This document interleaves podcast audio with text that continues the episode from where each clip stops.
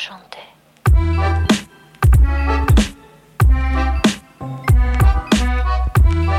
Varmt välkomna ska ni vara till Toto 5. Det är onsdag den 8 juni och eh, vi är nu snart bara exakt eh, en månad till svensk eh, EM-premiär. Vi har börjat spela in våra Tutski Balutski avsnitt. Vi kallar dem för Tu- Tutski 5 Tutski 5. för att vara väldigt tydliga. Vi släpper Grupp A nästa vecka. Vad är nu detta? Jo, vi går igenom eh, varje lag, lag för lag, eh, i då eh, gruppvisa avsnitt eh, där vi ger er MVP, stjärnskott, eh, Ruben och så vidare. och så vidare. Massa Vår gumma. Vår gumma är såklart med, förbundskaptenen, vägen till EM och alltihopa. Det, det är eh, liksom den informationen som ni behöver tillskansa er för att kunna Det det följa det här behöver. mästerskapet. Ja, på bästa sätt.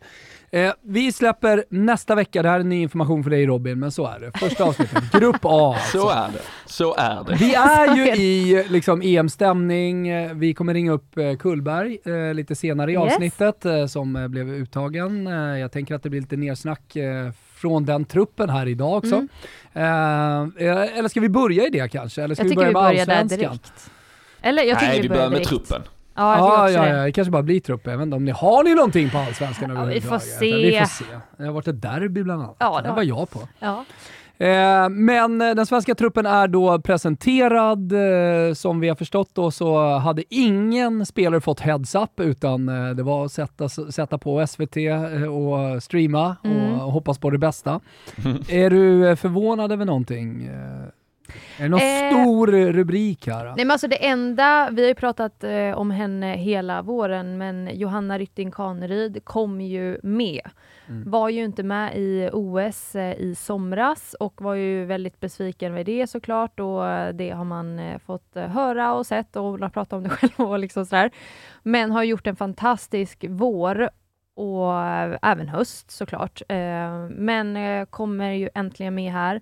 Även Amanda Nildén uttagen. alltså Kaneryd är lite vår gumma i Sverige Ja, det är typ jag. lite vår Vi, gumma. vi, vi har liksom sponsrat henne, så om ni förstår vad jag Ja, men menar. verkligen, Eh, verkligen. Sen, sen vi startade den här podcasten, vi har trott på henne och eh, satan vad hon flyger och bara blir bättre och bättre för varje Ja. match som går. Utsedd till månadens spelare i damallsvenskan också Exakt. idag, så det kan vi gratulera henne till. Ja, är det Men, peak karriär just nu för henne? Ja, det är ju just bra. idag Det- när vi sitter här. Det är bra 24 timmar hon har haft i alla fall, det, det får man ge henne. Så det är Ja. stort, stort grattis till, eh, till allting här. Men, men också, som du säger, alltså väldigt, väldigt välförtjänt. Det var ju, även om det kanske var en snackis för en månad sedan eller två, huruvida hon skulle, om hon kanske slogs om då plats eh, 21, 22, 23 i den här truppen, så tycker jag att de senaste veckorna har ju snarare visat att hon kanske har plats liksom 15-16 eller till och med beroende på startuppställning och hur eh, Gerhardsson väljer att formera det här laget så slåss hon faktiskt om en startplats istället. Så det, det var ju såklart, eh, jag, jag tror och hoppas inte hon satt nervös när eh, truppen togs ut igår. Det är klart att hon säkert fick, fick någon flashback från, från OS-uttagningen men det var, den här gången var det väldigt, väldigt givet att hon skulle med i den truppen. Så det, det var väl ingen större skräll egentligen. En spelare in, en spelare ut. Uh, Madde Janogy, inte med. Janogy är inte med i... eh, Så att det, och, och det har ju vi pratat om eh, också och man är ju inte jätteförvånad faktiskt. Hon Ändå. har haft skada och eh, även om hon har varit väldigt bra de två senaste matcherna Absolut. eh, så kanske det är för lite att gå på nu när konkurrensen är så pass hård om Ja. de positionerna i landslaget. Ja, eh, och såklart jättetråkigt för henne för jag tycker att hon är en fantastisk eh, fotbollsspelare men har varit lite skadad. Nu sa ju också Gerhardsson att alla spelare var tillgängliga så att hon är uppenbarligen tillgänglig. Men ehm, ja, eh, är tydligen lite bakom då Vad de vad andra tänker du där, Robin? väljer istället. Ja. Nej, nej men jag, jag tror när man, eh, när, när vi kokar ner detta här så, så är det ju kanske, om vi tar Olivia Skog, Sofia Jakobsson, kanske snarare den typen av spelare hon eventuellt har konkurrerat med här i, eh, när de har gjort de sista överläggningarna och där där tror jag kanske snarare vi pratar spelare som sagt 22-23 och då, då, tror jag också man tittar väldigt mycket på vad man har kunnat eh, ja, men ge, ge den här gruppen, vad man har bidragit med tidigare, man vet vad man får, man ska ändå vara på, det blir tidiga samlingar och sen ska du förhoppningsvis vara iväg i drygt en månad i England. Du ska, du ska ha en eh, grupp som ska byggas och ser man inte att Janogy i form av spetsegenskaper kan komma in och, och på planen uträtta stordåd så, så tror jag att Gerhardsson och, och hela ja, men förbundsledningen här väljer då spelare som Ja men som du vet vad du får av, som bidrar till, till gruppen och, eh, och där lite och, och samtidigt också jag tycker när man, när man tittar på det, vi pratar Ja men eventuellt då en Janogy, det är en Anna Anvegård som, eh, som inte kommer med. Kontra då typen Sofia Jakobsson, eh, Rebecka Blomqvist, eh, Olivia Skog. Alltså det är väldigt likvärdigt, jag tror det är ganska små marginaler här och det är egentligen inget nu, nu har vi ju suttit och börjat titta på, på, på många trupper i, i, inför det här mästerskapet och där kanske man egentligen ser lite större skrällar eller liksom någon riktig uppstickare hit och dit. Alltså det, det svenska truppbygget är ju väldigt genuint och tittar du på, på de spelarna som eventuellt kunde vara med, det, det är ju egentligen inga Alltså det, det, är inga stora skräll. Vi, vi, kan försöka på, på mediavis leta någon skräll här men, men det är ju egentligen inget stort alls utan det är ju ett eh, väldigt genuint lag. Vi pratade lite om mittbacksuppsättningen och skulle Sembrant komma med och mm. sådär. Är det någonting där som ni Nej, att känner? Sembrant är med tycker jag är helt självklart att hon ska vara med. Jag och tror hon kul, startar. Alltså, ja, det är, det, det är mer det att så här, kommer man starta henne och det är frågan, kommer de spela trebackslinje? Kommer de spela fyrbacks? Eh, ser de Eriksson som mittback eller ytterback? Alltså det är så mycket frågor, så lite svar.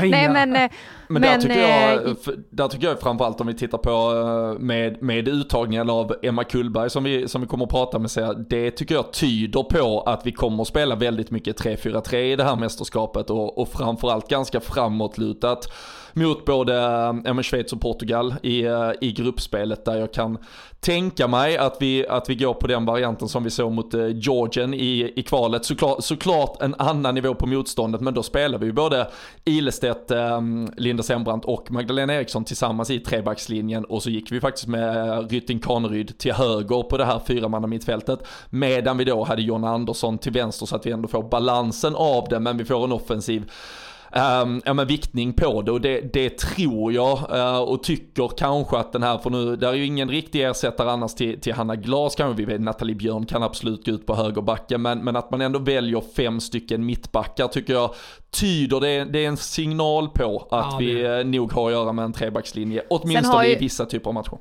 Ja, sen har ju också, alltså Kullberg har ju spelat vänsterback väldigt mycket i Brighton eh, i år också. Jag tror också att hon har det, de egenskaperna. Ja, alltså jag tror också att det är en bidragande faktor till att hon också blir uttagen för att man kan använda henne på flera positioner. Ja. Alltså det är många spelare i den här truppen som kan spela på flera positioner. Nathalie Rolfö Björn, kan ju stå i mål Hon också. kan ju stå i mål säkert. Mittback skulle hon spela va?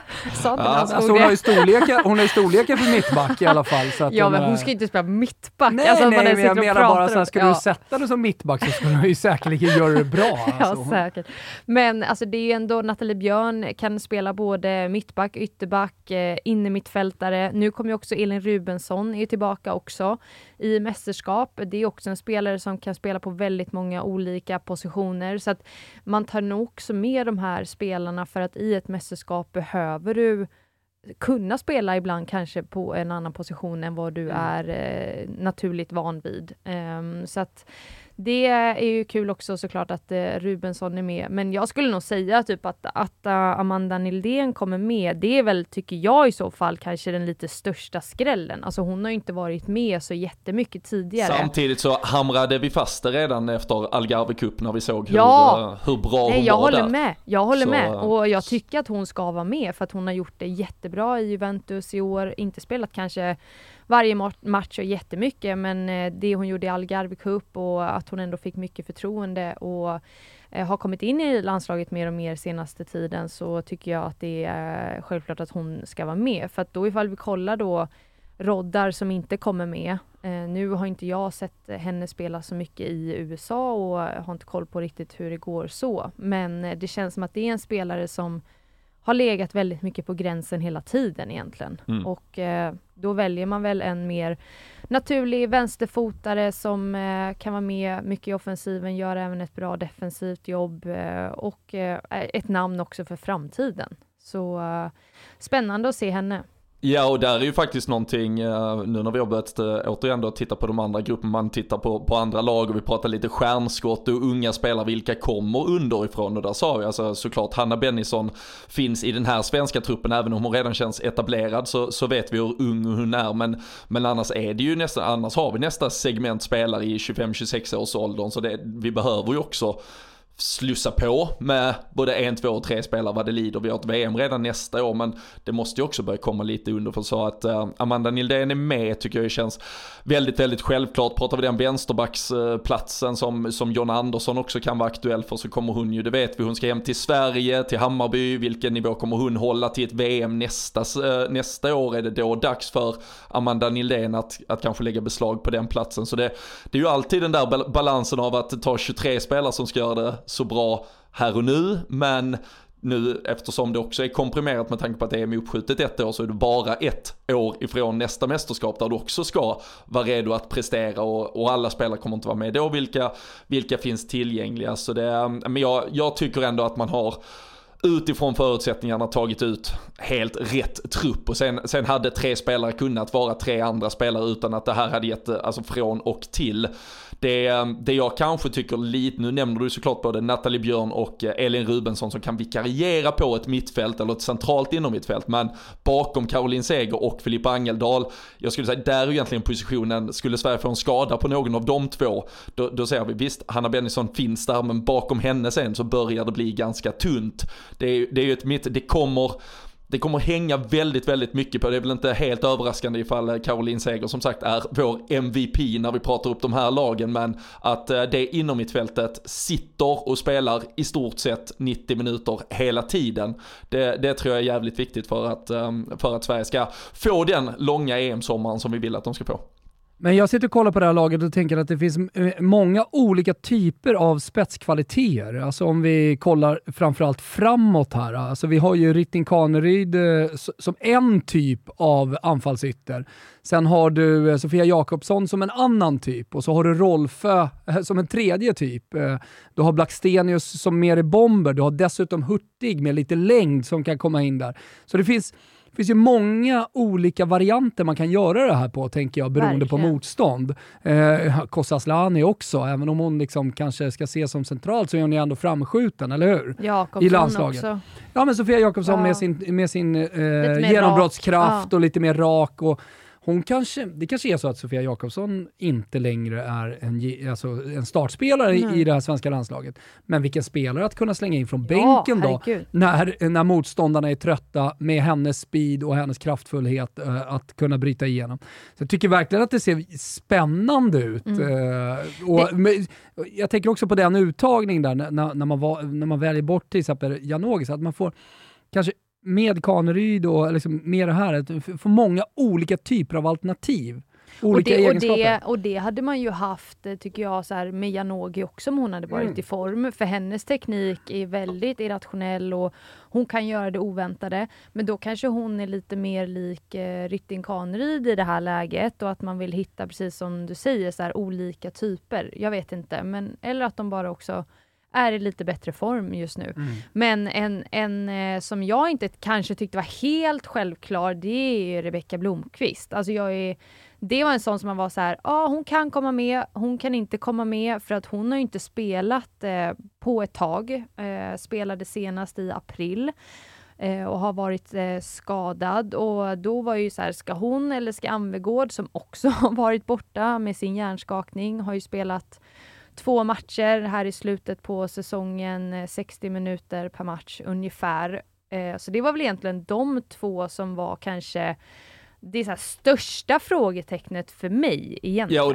och, och, där kan vi också konstatera egentligen, alltså svaret på frågan är ju egentligen bara att Stina Blackstenius ska också spela varenda minut i det här mästerskapet ja. egentligen. ja, verkligen. För, nej men alltså det är, visst, det är ju klart att Rebecka Blomqvist kan komma in och göra tio starka minuter i, i slutet i någon av de här gruppspelsmatcherna, men väldigt, väldigt mycket i, i boxen för svenskt eh, vidkommande kommer ju handla om att Stina Blackstenius håller uppe den formen. Jag satt också och tittade lite på Anna Anvegårds och, eh, och Blomqvists eh, siffror. Jag tror båda två har ungefär fått 15 matcher eh, blandat då med starter och inhopp under den här säsongen. Gjort fyra eller fem mål vardera. Alltså det, det, det, fin- det är ju ingen av dem, alltså Anna Anvegårds kan ju såklart vara besviken men inte mer besviken än om man hade gjort tvärtom i det valet tycker jag. Så det, det, det var också lite så här hugget som stucket och, eh, och där är det ju lite tunt faktiskt och jag tror till och med skulle vi vara i en situation där Stina Blackstenius inte kommer till start i en match så är det nog snarare att man roterar om och, och sätter upp en, en Hurtig eh, i den rollen och så, och, och så, ja, eh, så tar du roll för Kosse eh, Kaneryd eh, som sagt på, på andra positioner i den offensiven. Så, du kan ju till och med spela Kosse högst upp och roll för tia, alltså man kan ju mixa mm. ganska mycket ja, och jag tror, på de så, positionerna. Så jag tror ju att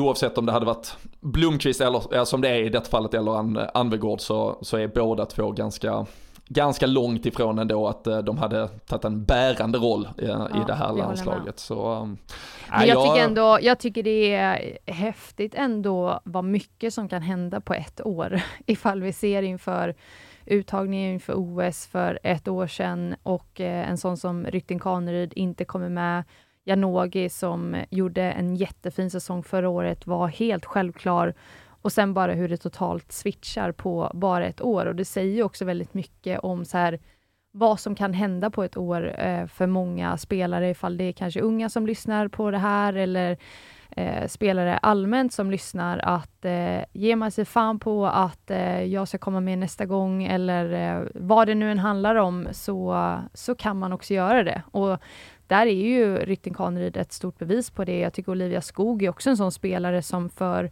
något år sedan inte kom med, knöt näven och gjorde en fantastisk säsong i Djurgården, blev MVP den säsongen och sen så kom hon med igen. Så att det, ja, det gäller att man har en jävla karaktär och inställning för att också ta sig till den absoluta toppen. Också att, också att du tar till dig lite av, alltså om vi säger, alltså det behöver inte vara kritik, men, men feedback åtminstone. I, i Rytting Kaneryds fall kanske, så, som man förstod på henne, så pratar ju hon med både Gerhardsson och och andra runt omkring sig att man kanske ville se lite mer poäng, bli lite direktare i sitt spel. Vi vet alla vad hon, vad hon kan göra när hon hittar fria ytor och, och drar sig ut. Det är lite mycket, det kan bli lite för mycket dribblande och vi vet vilken, alltså det, det finns en spetskvalitet i den teknik hon har, men det, det handlar ju också om att omsätta det i någonting och det, det har hon ju varit jätte, jättebra på, ja men bara den här säsongen de senaste månaderna, men, men att hon så tydligt har vetat att okej, okay, jag, jag har grundkvaliteter som kan ta mig till en nivå, men jag måste kanske i det också lägga på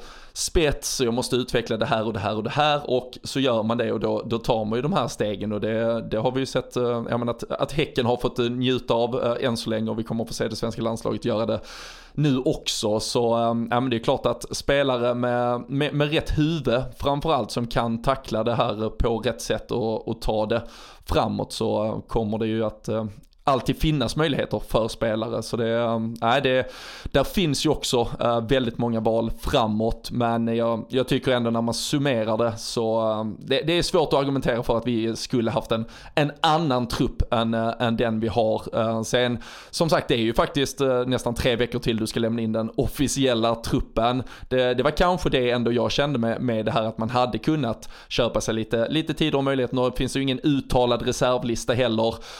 det kan väl också också vara positivt för då kan du göra vilken förändring du vill ifall något skulle hända med någon skada och sådär. Men kanske ändå att man hade velat ha med sig två, tre spelare till på de här första veckorna med träningar och sista eh, träningsmatchen eh, mot Brasilien, eller inför den matchen. Eh, men eh, jag tror, jag tror Gerhardsson är väldigt, väldigt eh, nöjd och jag, alltså, vi vet ju att han litar väldigt mycket på den gruppen han har tagit ut här så eh, Sverige är nog redo. Det tycker jag eh, är verkligen kanske den största styrkan som eh, det här landslaget har inför EM, just erfarenheten. Eh, återigen då, för att knyta an till Tutski 5 så går vi igenom många trupper och det, det, det, i, i, i flera av topplagen så saknas det mästerskapsrutin, att ha spelat de där största matcherna. Och är det någonting man vet i just mästerskap så är det att den där rutinen spelar väldigt, väldigt stor roll. Eh, och det handlar ju, vet, vi hade ju Lasse Lagerbäck i, i Toto Balutta, eller vi har det imorgon. Eh, och eh, Det är någonting som Janne Andersson har pratat om också, att vi kanske inte kommer bli bäst på planen spelare för spelare. Nu är ju svenska damlandslaget mycket närmare där än vad herrlandslaget är, men däremot kan vi bli bäst på organisation och planering och göra allting runt om. Och där är ju, där är ju faktiskt eh, Gerhardsson och hans stab eh, alltså på absolut, absolut toppklass. Och de har gjort det nu några gånger. Så de vet vilka fällor de inte ska gå i. Eh, de, de har te säkerligen testat saker som inte har funkat. Och det är en grupp som har spelat tillsammans, alltså om man ser stommen, väldigt länge. Och även liksom, om man kollar på Sembrant och Seger och tänker att, men vadå, de pikar väl inte deras karriärer? Jo, men de är ju fortfarande på någon slags liksom, platåpik eh, där de spelar på väldigt, väldigt hög nivå. Ja, och jag tycker det säger mycket om att man tar mer Sembrant redan i Algarve Cup och hon spelar ju inte ens utan är ju bara där och tränar och är med i laget och hade bara spelat en match innan det tror jag sen sin comeback. Tydlig signal, det kommer alltså, inte igen för nej, dig men, nej men eh, det, det säger ju väldigt mycket och eh, de spelarna också skapar en stor trygghet i det här laget. För en sån som exempelvis Nildén som inte har varit med tidigare. Då har man en eh, Sembrant och Seger att se upp till och som kan hjälpa till. Och Olivia som har varit Skog med väldigt som länge. har varit med länge. Exakt, så att det, det finns ju väldigt mycket rutin i det här Hedvig laget. Lindahl. Ja, oh, herregud. Det är... Målvaktsuppsättningen känns ju sexig också. Alltså, Alltså, Henrik Lindahl, verkligen. eh, Musovic och Falken. Falk. Ja, Det jag gillar ju Falken alltså. Mm, när hon är aktiv. Ja, det var ju, det- Nan- Na- Nannskog var ju inne i SVT-studion på att vi skulle rotera, vi skulle växla lite målvakter hela Ja. mästerskapet beroende på... Ja, det kan- jag, jag, jag, kör inte riktigt, ja, jag kör på inte riktigt... Alltså det kan du ju den- göra. Vet du vad han har gjort förmodligen? Han har kollat liksom på hur toppklubbarna eh, har gjort lite grann. Ni kommer ihåg den här situationen i Barcelona med... eh, när- Ja, när- Bravo när de- och Ter Stegen var det väl? Ja, exakt. Jag höll på. Det är ju fler lag som gör att man liksom låter andra målvakten stå mer och skapar liksom en konkurrenssituation. Men under ett mästerskap, då ska vi nog ge fan i det. Alltså. Ja, nej jag, jag, jag tror inte riktigt på det. Men sen, och sen det jag tycker är också den, den stora, stora styrkan i det här svenska landslaget. Om vi tittar kanske här när man börjar formera sin startelva så här, vi pratar spelare som har varit framme i Alltså vi har, vi har ju mästare för det första i form av alltså Juventus-spelare, Chelsea-spelare, Barcelona-spelare som har varit med och vunnit allting. Vi har dessutom i Glas, Ilestedt-spelare som har varit ja, nästan hela vägen fram i både Champions League och i sina inhemska turnéer. Det är ju ett det är ju ett landslag återigen om vi, om vi bara ska göra den enkla jämförelsen med, med ett herrlandslag på svensk sida och damlandslag på svensk sida så har vi ju spelare som, som hela säsongerna är vana vid att spela de absolut största matcherna och, och det kan man inte underskatta i, i sammanhanget när vi går in här. Utan eh, det här är, det är spelare som kommer från världens bästa klubblag som nu går ihop och, eh, och har alla, alla förutsättningar för att eh, tillsammans bli ja, eh, ett av världens bästa och tillräckligt bra för att vara Europas bästa landslag och, och kunna gå hela vägen. Så när man börjar titta på en startelva, när du börjar titta på två, tre spelare som kan komma in och avgöra från bänken, då är det svårt just nu eh, att hitta lag som är bättre. Så eh, det är ett fantastiskt jävla landslag vi har när vi går in i det här mästerskapet. Det, det, det måste man ha med sig. Det är lite Rolfö på de namnen som bara Ja. bollades upp lite spontant för dig som också har gjort, alltså det är många spelare, det tänker jag också på, som har tagit kliv i karriären. Alltså inte bara klubblagsmässigt, eh, vart de spelar, vart de har gått, utan eh, för all del även utvecklingsmässigt. Och det tycker jag har varit härligt att göra den här podcasten under hela den här säsongen Ja, och det här precis. året, där det är många spelare som uttrycker just det. Rolfö var ju en. Liksom att eh, jag har blivit en mycket bättre spelare i Barcelona tack vare de förutsättningar som finns att träna eh, och eh, nej, staben runt om. Så, så det, det är, ju- även om det finns mycket erfarenhet och det är spelare som svenska folket känner igen, så kommer de, eh, ja, men, jag sa peak karriär, men det, det är många som faktiskt spelar sin bästa fotboll just nu. Nej men Stina Blackstenius pratar ju om det också till exempel att eh, ja. alltså, när, hon var och gästade oss för, för ett par månader sedan om flytten till Arsenal och, och kom in i den miljön och spela på den, den, den nivån så, så återigen ja, det är väldigt, väldigt många spelare som, som är på sin absoluta... som går ihop liksom. Eh, nu ska Exakt. vi se Rolf med Blackstenius, för ett år sedan var det så här, ja men det ska bli kul, det är bra Nu känner man bara, Barcelona-Rolf ihop med Arsenal, Arsenal. Blackstenius, liksom båda levererar i sina respektive Juventus, klubblag. Hurtig. Ja, men Nej, men det, det, är sjuka det, lag och spelare som ja. vi faktiskt har. Uh, och jag tycker också det ska bli intressant, alltså en sån som Hedvig Lindahl har ju inte, om det är fått förlängt eller det liksom, verkar inte som att hon eh, ska vara kvar i Atletico Madrid. Eh, även Kosse har ju gått ut och sagt att hon eh, inte kommer vara kvar i Real Madrid och det här är också så här nu har man ingen aning om ifall någonting är klart innan mästerskapet, men om inte annat så gör man ett bra mästerskap. kan ju också jag vad som helst hända. Jag tror att de har väldigt mycket is i magen här. Ja, kanske. Ja, det får vi ju se. Men eh, bara en sån grej, det gör ju också att man vill prestera. Mm. Vi, vi har också snackat om Rytting Kaneryd, även om hon har kontrakt, men eh, gör hon ett bra mästerskap, alltså då kan det ringa klubbar utomlands. Hon är dessutom offensiv spelare, ja. gör hon fyra mål Nej, så det, det gör ju också att man vill prestera på absoluta topp såklart. För att inte bara så här, ja det är klart man vill ta ett guld och vill prestera topp. Det är ju den absoluta eh, främsta orsaken. Men eh, sådana här grejer tror jag också spelar en roll. Nej men verkligen. Och där Rytting Kaneryd har ju pratat om det att hon, eh, hon ser ju gärna en situation, hon har ju kontrakt säsongen ut men hon ser ju gärna en situation där, där Häcken faktiskt får betalt för henne ifall hon, eh, hon lämnar. Och det skulle ju vara i sommar i så fall efter ett eh, starkt mästerskap. Så, och vi ser ju många av de riktigt stora klubbarna där ute som spelar ja, men offensiva 4-3-3 uppställningar, vi, vi, vi har massvis med, med spelare i lite ja, samma typ av eh, uh, Kaneryds roll som, som gör det otroligt bra i de absolut bästa lagen. Så utrymmet för den spelartypen finns ju numera också i de riktigt, riktigt stora lagen. Och uh, nej, där finns uh, nog en hel del scouter som kommer sitta redo på läktarna i uh, England om några veckor.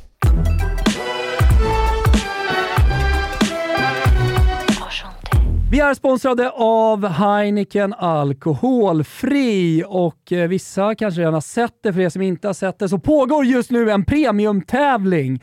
Det handlar om att man ska köpa två stycken Heineken 00 och sen ska man ladda upp eh, kvittot på heinekenalkoholfrikampanj.se. Det är hur enkelt som helst och man tävlar om en superduper premiumresa. Flyg, hotell, mat. Det blir en härlig tid i Sheffield med Sverige mot Holland, alltså öppningsmatchen i damernas EM i sommaren. Var sitter man då på arenan? Ni tänker att det är några skitplatser? Nej, ni. Det är i Heineken Alkoholfrias VIP Lounge. Jajebuxige, man sitter så premium man bara kan göra. Så passa på nu när den här kampanjen rullar. Heineken alkoholfri kampanj.se är det som gäller. Tjacka två stycken Heineken 00 Ladda upp kvittot så är ni med och tävlar. Det kommer bli hur fett som helst. Vi säger stort tack till Heineken alkoholfri.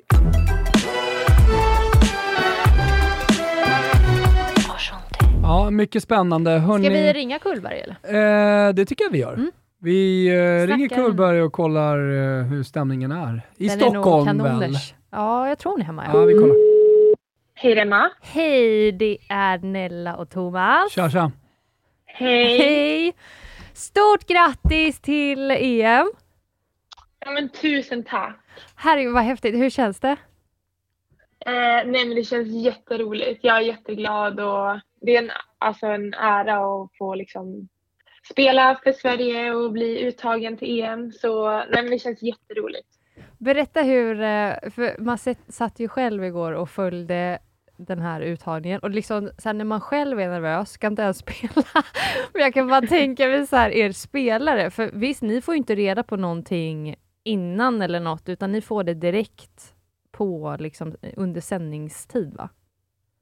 Ja, men exakt. Så jag satt ju själv och, ja, som du säger, jag var också väldigt nervös eh, innan. Men eh, ja, när jag satt och kollade på TVn och det, det var då jag fick veta. Men, men jag tänker, eh, är du hemma nu? Eh, i Sverige ja. och, och, och, sådär. Jag tänker om man sitter och kollar på eh, SVT Play så är det ja. någon som sitter och kollar på linan. Så Exakt. ligger man 45 sekunder efter så smsen börjar liksom hagla in. Grattis smsen, men det var inte så för dig? Nej, just nu är jag i Stockholm. Ehm, så, så jag kan ändå följa det.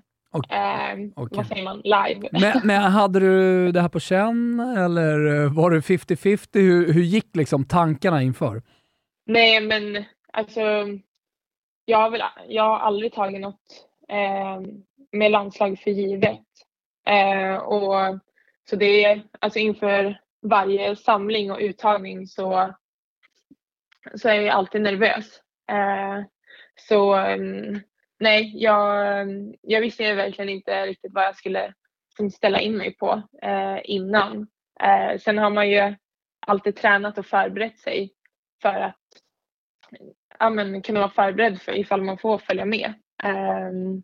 Men det var absolut inget som jag så här, känner var säkert någonstans. Eh, utan det är bara något man hoppas på verkligen vill komma med till.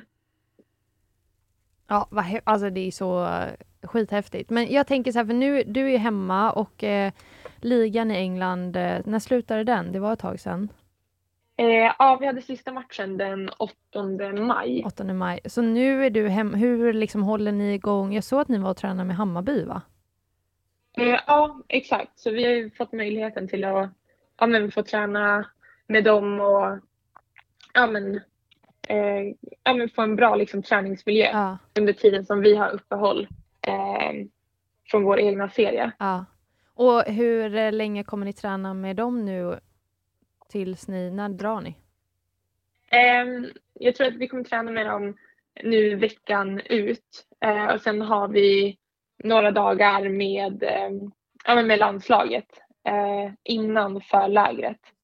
Eh, ja men precis. Så, så det känns ändå som att vi får ja, möjligheten till att träna mycket fotboll och, och sådär. Eh, och sen åker vi ju men på förlägret den 20. Mm. Eh, Vi, vi, sen- ja, nej, fortsätt. Ja, nej, och sen är det den tredje.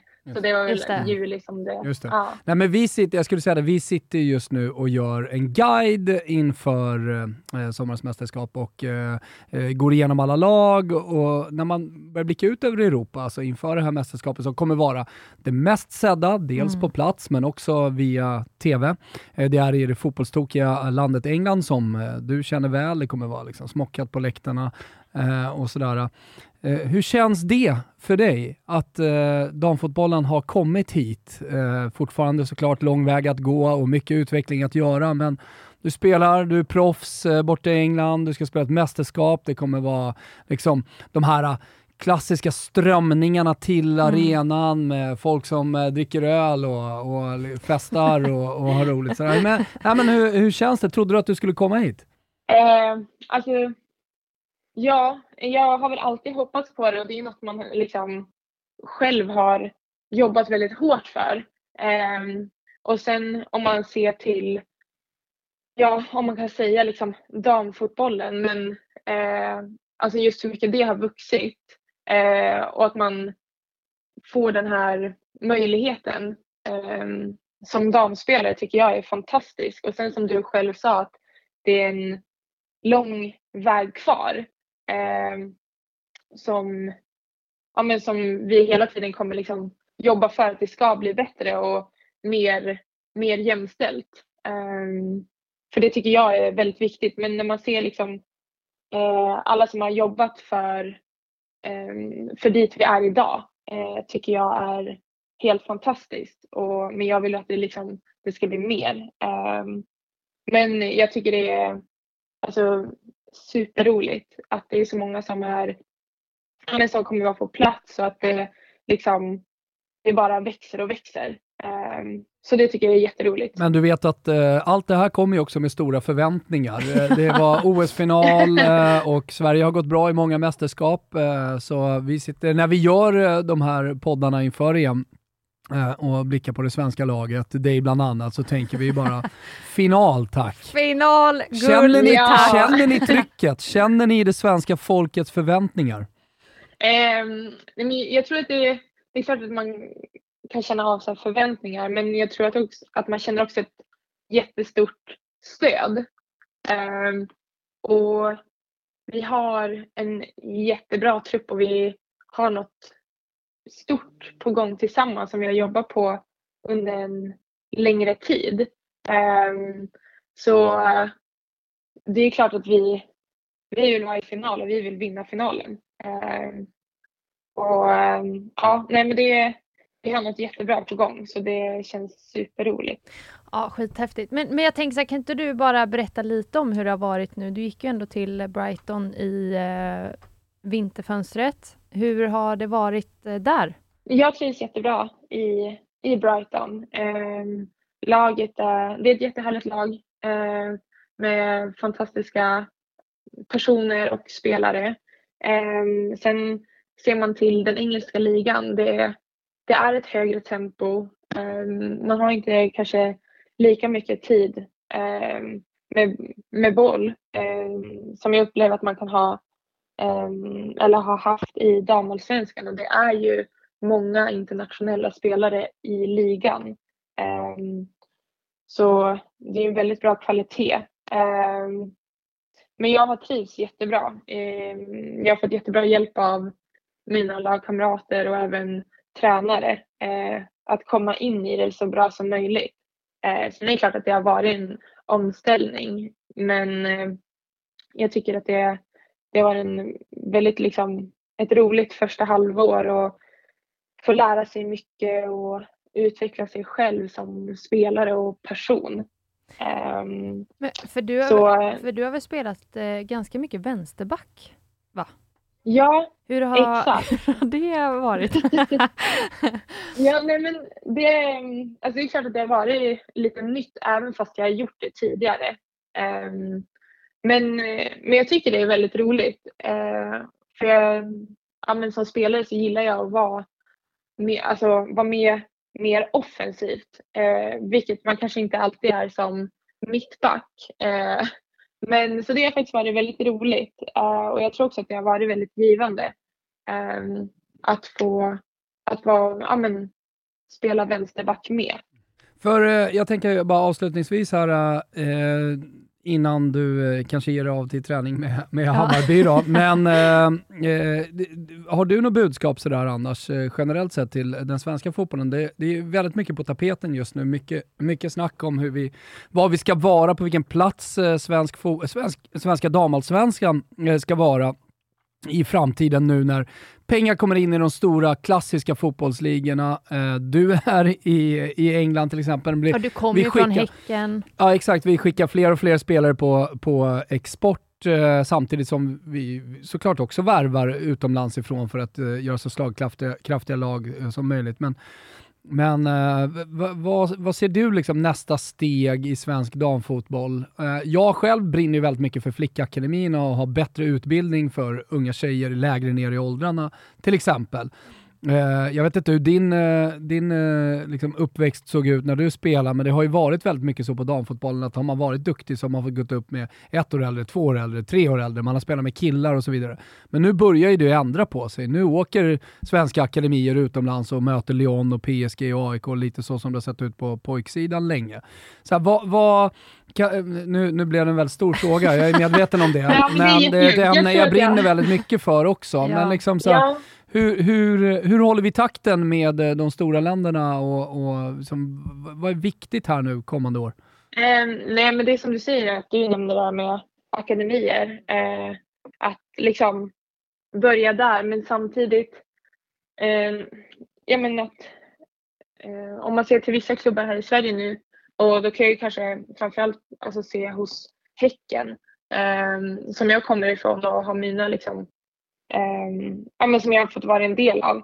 Eh, de har ju börjat satsa, eh, eller börjat, men de har lagt ner en stor satsning just på eh, damverksamheten ehm, också. Eh, vilket jag tycker är jättekul att de har liksom, de, de satsar li, ja, men jämställt på eh, damer och herrar. Sen kanske inte liksom det är helt jämställt men att man går mer och mer mot det och jag tycker att det är viktigt att eh, alltså, fler klubbar eh, följer med. Eh, för det, det gör att intresset ökar just för, för ligan eh, men också något som kommer hjälpa hela liksom, fotbollen i Sverige att växa. Eh, sen kanske liksom inte det finns något rätt svar att så här måste vi göra men jag tycker det är viktigt att vi liksom vågar satsa och vill satsa på det. Eh, och ger damfotbollen mer uppmärksamhet, mer pengar. Det, det behöver vi. Ehm, så jag hoppas att liksom, det finns den kraften eh, för liksom, eh, höja damfotbollen i Sverige. Um, för det, det vill jag att eh, vi ska göra. Är det stor skillnad, jag tänker sen när du gick från Häcken till nu exempelvis eh, Brighton då, alltså nu kommer ju ni typ mitten i, i ligan i år, men alltså bara förutsättningar och så, alltså är det stor skillnad kontra liksom Sverige utomlands? Ja, men eh, det skulle jag, det skulle jag väl ändå säga.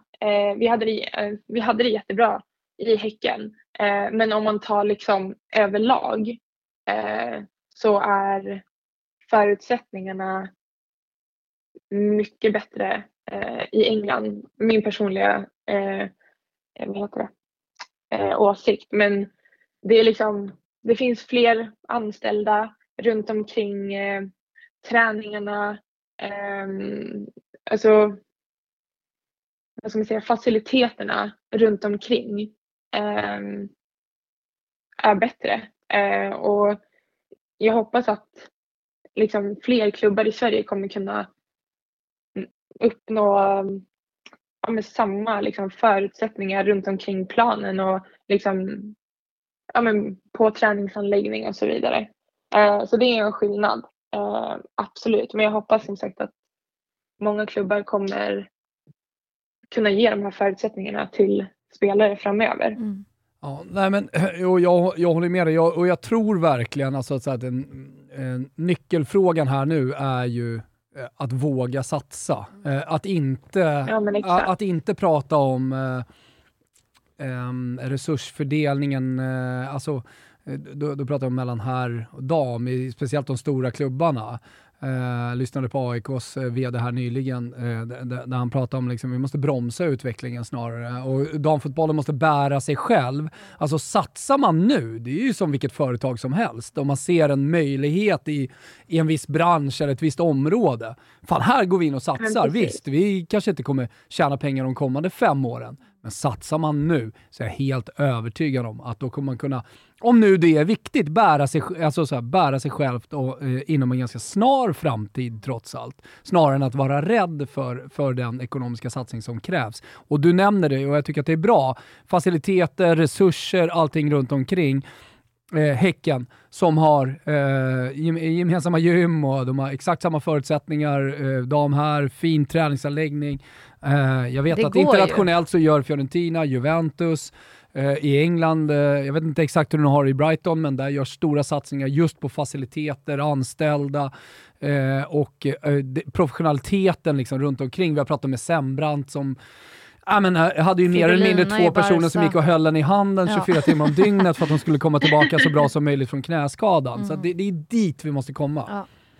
Exakt. Men nu, är... nu är det EM! Nu är det EM! Nu är det EM. Ja. Och vi kommer följa er här. Jag kommer också åka ner och vara på plats. Eh, er, ah, ja, er första match och eh, sen kommer jag ju se er i finalen också. Men det ska bli ja. skitkul att eh, följa er och igen stort, stort grattis till platsen. Tack så jättemycket, verkligen. Och så, lycka till! Ja, njut nu och kör hårt och fan ta hem guldet alltså. ja, det ska vi göra. Ja. Det ska vi. Ja, men det är bra. Ha det så bra! Ha det bra! Ja, men tack detsamma. hej, hej! hej, hej. hej.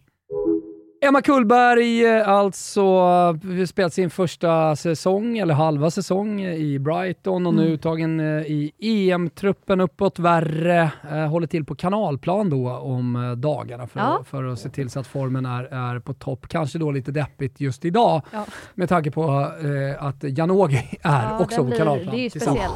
Mm. Mm. jag såg att F19-truppen togs ut. Är det din mamma som tar ut den eller? Nej, mamma, Ma mamma, mamma tar inte ut chef, eh, tränar som tar ut ja, truppen. Mamma tar ut alla lag. Nej, jag ska. Nej men eh, hon eh, är chef över förbundskaptenerna, men hon mm. tar inte ut några trupper. Men hon det som var kanske häftigt... bollar med Nej, det, det, vet jag inte. Vinberg är uttagen såg jag. Eh, ja, Vinberg är uttagen, men det som var häftigt, på tal om vi pratade om eh, Nildén, hennes lilla syrra eh, Matilda Nildén har ju blivit uttagen till F19-EM Ja, det är bara i Tjeckien. Liksom. Så det Nildén, var va? ingen dålig dag för Nildén-systrarna igår, det Nej. kan man ju inte säga. Eh, skithäftigt. Men ja, så truppen är släppt eh, för F19-EM i sommar. Och Bea Sprung De- också såklart. Bea Sprung är med. Har ju inte, har inte eh, behövt kvala så mycket för dem utan hon har Hade inte hon hängt på A-landslaget höll jag på att säga. Ja, Så hon jävla låtit dem bra göra som hon har varit. så, så kommer hon in och kör mästerskapet i alla fall. Det, det uppskattar man. Ja. Ja, Nej men det, det är ett väldigt starkt eh, lag som ska spela EM i sommar. De kommer ju möta Tyskland, England och Norge i Tjeckien. Mm. Eh, Skicka hem norskorna. tuff eh, trupp, eller tuff eh, grupp. Och, trupp. Och trupp. eh, men skithäftigt. håller Så vi att, eh, såklart ett öga på i Toto 5 vad som händer i F19. Många allsvenska spelare i stort sett. Ja, ja, ja. Om, om det inte är Elitettan, Jitex har ju två spelare med till, till exempel Ja, också. nej det är väldigt mycket allsvenskt så det är häftigt. Ja men eh, svinballt. Eh, jag tänkte bara sätta lite kontext eftersom jag tog upp det med, med Emma Kullberg. Mm. Alltså det här med att satsa och inte satsa. Och eh, jag nämnde eh, AIKs VD eh, Eh, Manuel som eh, pratade om att AIK i en intervju pratade om just eh, liksom AIK dam situation. Man har tre poäng och eh, ligger hopplöst sist och det ser inte speciellt ljust ut. Just nu är vi världstvåa om vi bortser från liksom AIK. Det här spelar egentligen ingen roll om man ligger först eller sist i allsvenskan eller var man spelar utan eh, det generella problemet just nu med damfotboll är att kostnadsbiten har ökat dramatiskt. Lönerna har liksom blivit ett lönerace som egentligen ingen riktigt orkar med. Eh, och där vi lägger mycket av pengarna i damfotbollen i Sverige idag, det är på utländska spelare. Det spelar väldigt få svenska spelare och framförallt så spelar det väldigt, väldigt få unga svenska spelare. Om du frågar om herrlaget så är de flesta damlag väldigt långt ifrån det idag. För att hänga kvar i damallsvenskan som är en topp 5-liga i Europa är svårt för det håller en väldigt hög nivå. Och då har vi liksom hela Sverige på något sätt sprungit iväg i den här lite fällan skulle jag kalla det för. Damhockeyn gjorde lite samma sak för tio år sedan när man var världstrea. Idag spelar inte dam, damerna ens i A-VM. Pengarna kommer in, kostnaderna går upp, lönerna går upp. Man satsar på, på etablerade spelare, utländska spelare framför allt för att höja nivån. Och vad händer då med våra egna tjejer? Våra egna, ja, men oftast tyvärr så slutar de och försvinner bort. Så vill vi jobba långsiktigt för damfotbollen så tror jag att vi behöver ta, vi behöver ta ett helt omtag. Idag är ju nästan alla damallsvenska klubbar har eh, ekonomiska problem, mer eller mindre om man, ska, om, man, om man ska vara väldigt ärlig. Vi är i ett lönerace som vi inte riktigt klarar av. Eh, Vi, vi måste hitta liksom en plattform för svensk damfotboll och kanske också börja anpassa oss efter att inte vara en topp 5-liga. Allsvenskan är inte ens, herrallsvenskan är inte ens en topp 20-liga i Europa. Och damallsvenskan kommer inte vara topp 5 om, om 10 år. För det kommer komma mer pengar i Italien, Spanien, England, Frankrike. Och då kanske vi måste börja anpassa oss till att bli lite samma. Herrallsvenskan är ju en liga där man utvecklar spelare för att sen sälja dem vidare. Det är där allsvenskan är idag. Där måste nog även damallsvenskan komma. Men vi kommer inte sälja spelare vidare om alla lag i hela damallsvenskan springer ut med 60, 70, 80 procent utländska spelare. Det, det är en svår kombination och vi måste, jag tror för svensk damfotboll behöver vi fundera på vad vill vi och även i AIK faktiskt, vad, vad vill vi med damfotbollen? Jag är otroligt pro damfotboll, jag går på alla matcher med damfotbollen. Vad skulle du svara på den frågan? Vad, vad vill du med AIKs damfotboll? Jag vill att vi utgår från, från våra egna tjejer och våra egna flickors bästa. Vad vill våra AIK-tjejer? Vad vill våra AIK-flickor? Vi behöver på, över tid bygga någonting utifrån det de önskar och de vill och, och ge dem möjlighet att komma fram. Om det innebär att vi något, någon gång får ta ett steg ner i seriesystemet, ja, so be it faktiskt. Då är det bättre att vi inte följer det här racet som alla andra är inne i nu. Vi hittar en egen väg att gå.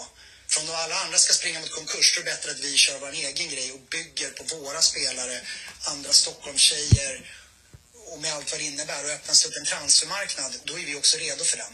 Idag, idag är inget lag redo för transfermarknaden. Eh, där han pratar om problematiken inom damfotbollen, att det inte bär sig självt just nu. Eh, och att det kommer in många utländska spelare också till eh, allsvenskan. Eh, och att det då skapar en situation där eh, vi till exempel har ett lönerace, att eh, lönerna stiger eh, men det bär sig inte och han tror att det kommer resultera i eh, att vi får fram sämre unga tjejer Alltså, och, Och att, vi inte, ja, och att vi inte kommer spela finaler om några år ifall, OS och det, EM ja, och VM. det fortsätter på det det fortsätter på det här sättet. Jag tror för övrigt att så här, om vi inte spelar finaler och sånt där så har inte det med eh, att damallsvenskan inte satsar Nej. på eh, utländska spelare eller så vidare.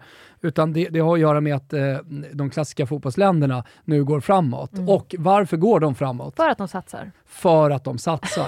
De lägger pengar just nu på sina damsektioner. De går back, det är eh, omfördelning av pengar, men de ser att en satsning nu i detta läget, det kommer bära frukt i framtiden.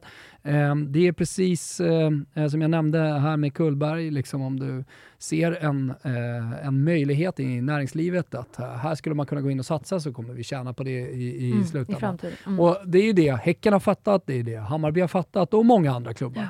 Eh, Malmö FF är på god väg. eh, Ja, men också så här, eh, Rosengård är en sån klubb som inte ens har en herr Att luta ett- sig att, mot. att luta sig mot eh, och klarar det bra ändå och ligger där de Ja. ligger, de ligger i toppen. Ja, men han, det, nämnde, det han nämnde ordet att- bromsa, för att eh, han, han menar på att det ska växa organiskt lite mer. Eh, Och vill att satsa vi, på vi, sina vi unga fyller inte ens. Mm. Skytteholm. Jag kan säga så här, hade AIK legat i toppen i år, hade de satsat så hade de fyllt Skytteholm.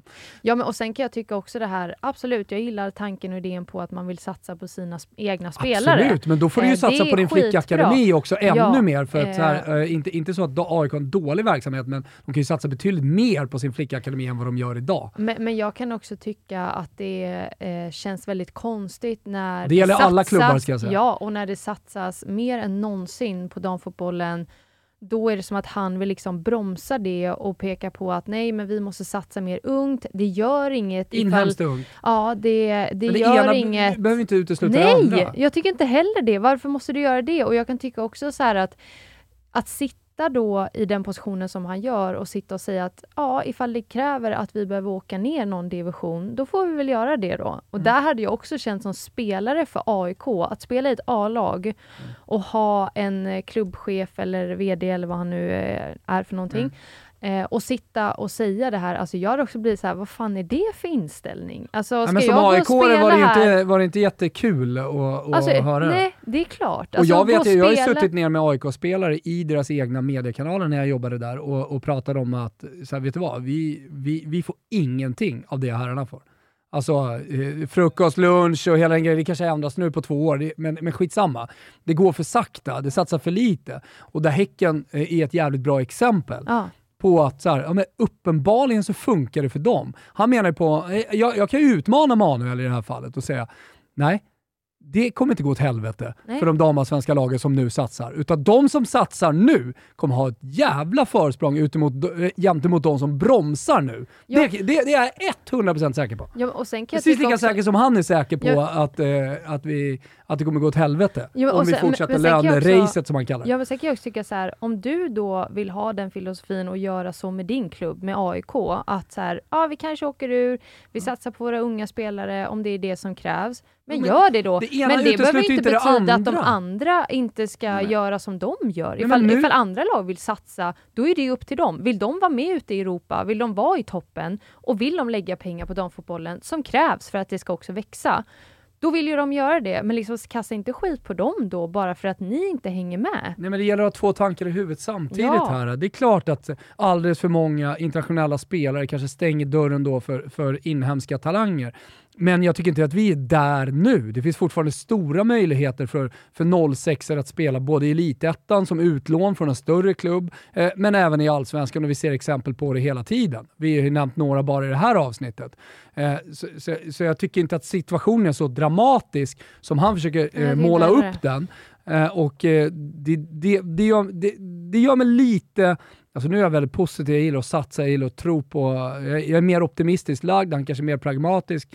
Eh, och han, han har koll på hur mycket pengar som fördelas och sådär i AIK, men det handlar ju om vad man i, i slutändan, där vi, där vi faktiskt utgår ifrån eh, eh, vad ska jag säga, samma plattform.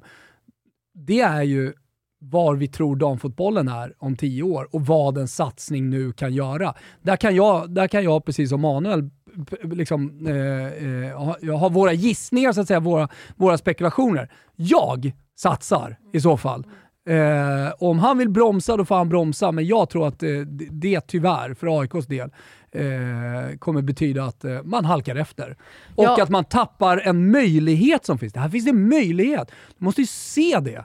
Jag förstår inte hur man inte kan se det. Ja, och det är ju snarare egentligen, om man tittar på alltså det här med att unga talanger kommer upp i damallsvenskan, det, det gör de ju egentligen alltså, överallt. Det är ju bara att ta den här F19-truppen som ett exempel där vi har massvis av de här spelarna. Men det är ju nästa steg när du kanske är 22-23 och vill börja etablera dig och när du vill börja knacka på dörren till ett svenskt landslag. Då känner du kanske att damallsvenskan håller för låg kvalitet för att du ska få ut den, alltså den optimala fotbollsutvecklingen för din egen skull och då måste du söka dig någon annanstans. Och den kvaliteten kan vi ju höja snarare genom att plocka in spelare från, från utomlands också. Så, så den mixen är ju, som du säger, det, det är ju inget som motsätter varandra att vi kan höja kvaliteten på damallsvenskan genom att både locka in spelare eh, från andra länder samtidigt som vi kan släppa upp våra egna talanger. Så det, det känns ju som någon form av eh, efterhandskonstruktion till en, till en säsongsinledning som har varit totalt katastrofal och eh,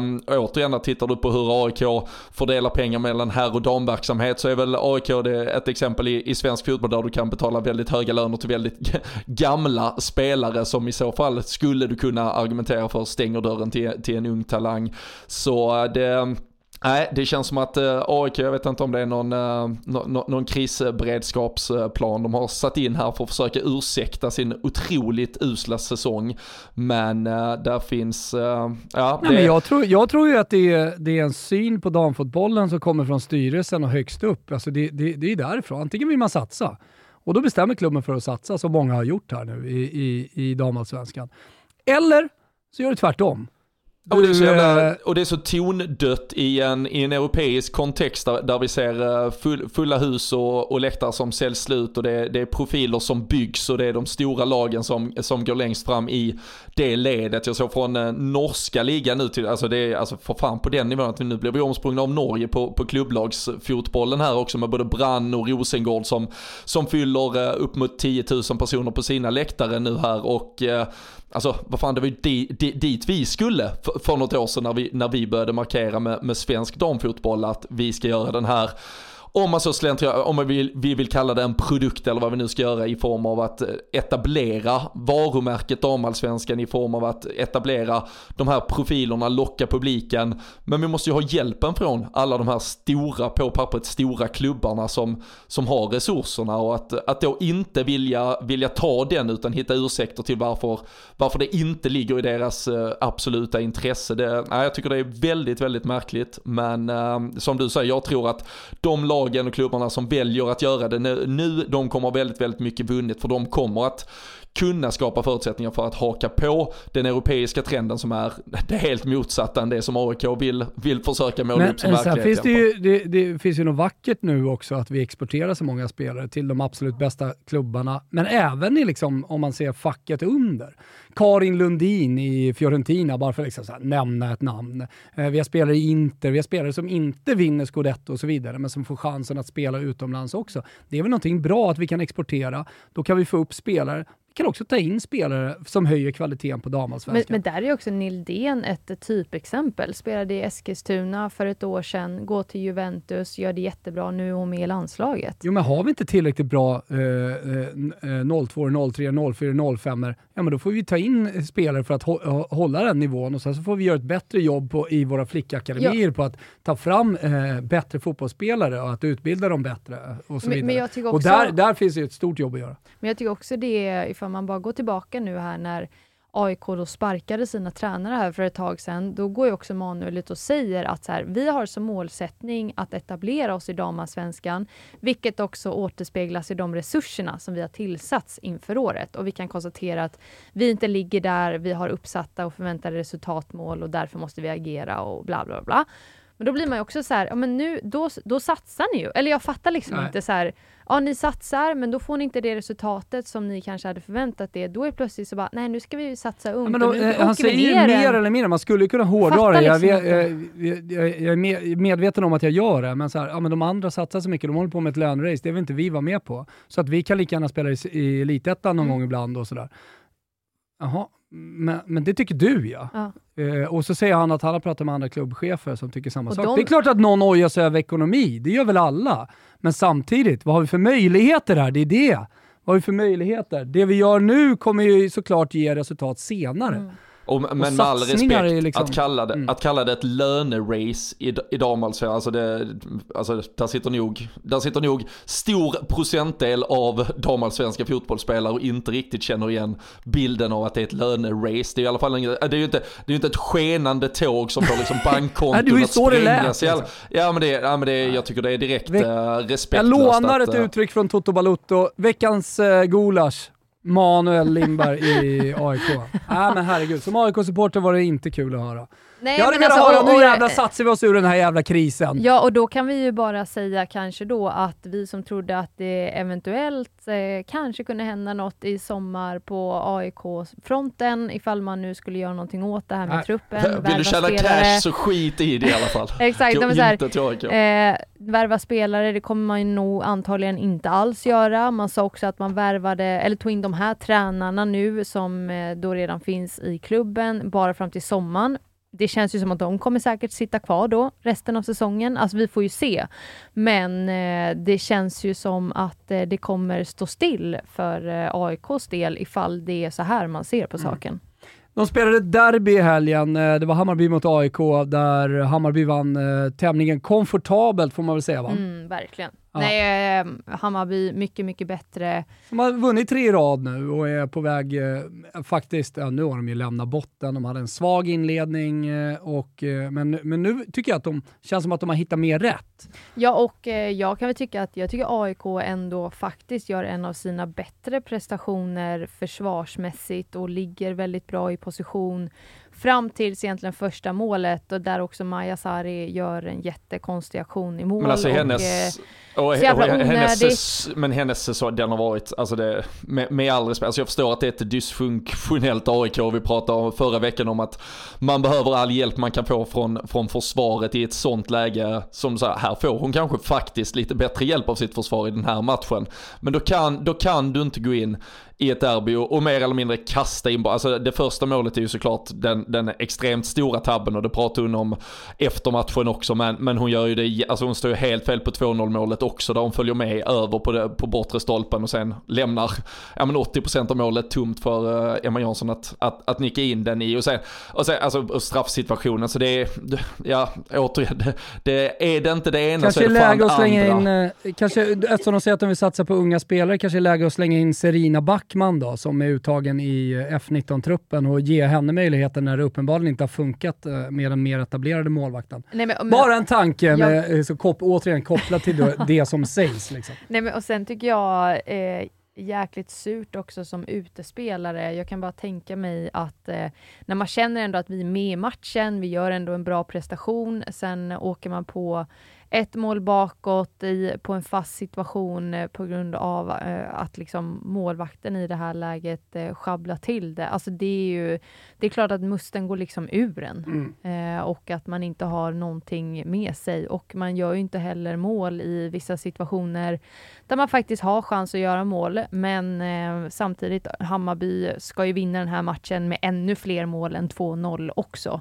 Skapar ju också väldigt mycket chanser och eh, har, tycker jag, mycket fina kombinationer, anfallsspelet också. Sen gör de ju inte mycket mer än vad de behöver heller i andra halvlek. Alltså de ändå på något sätt är en väldigt komfortabel match för dem, skapar några lägen, men eh, ja, en, eh, en solklar vinst. Eh, någonting annat sådär som sticker ut som ni tycker från allsvenska omgången? Känns som att vi, man, man liksom bara sätter på sig den här EM-skruden nu och liksom gasa in. Grupp Ja, A som håller- sagt, det är Tutski 5 nästa, nästa vecka. Eh, jag tycker vi stänger lite Ja, grann. men, ja, vi kan väl bara, det var ju ändå en väldigt eh, bra match i fredags mellan Ja. Linköping och Rosengård. Just det, eh, det tycker jag är, ja, det är eh, värd att nämna. Där eh, Rosengård till slut vinner då med 4-3. Och eh, återigen ett väldigt omtalat mål. Ja, men alltså, alltså, eh, eh, jag skulle inte, alltså, så här, man kan ändå känna, nu kan man börja känna sympati med hela damallsvenskan. Du, du, har, du får inte först ett sånt här millimeteravgörande som i Svenska cupfinalen och sen i matchen efter för Rosengård så får du, alltså det är egentligen två mål som balanserar i stort sett målen. Det, det ena kanske mer osäkert än det andra, men eh, vad fan kan folk bara börja göra riktiga jävla mål så den sitter där den ska så vi slipper det här. Men eh, äh, det var ju nästan parodiskt att man behövde sitta och ta fram förstoringsglaset igen för att se om bolljäveln var inne eller inte. Men äh, tycker ändå det lite, äh, återigen den här markeringen från, från Rosengård. Jag tror det var många som trodde att äh, Linköping med, med sin fina form skulle kunna stöka till det lite för dem. Men äh, då kommer de upp där, stora, tunga, med den här spelarbredden vi har pratat om och, och flera spelare då som, som kliver fram, gör det riktigt bra. Så äh, Rosengård. Och jag tycker det är häftigt att se ändå eh, Kulashi som man ju värvade eh, förra sommaren som jag inte tycker kanske har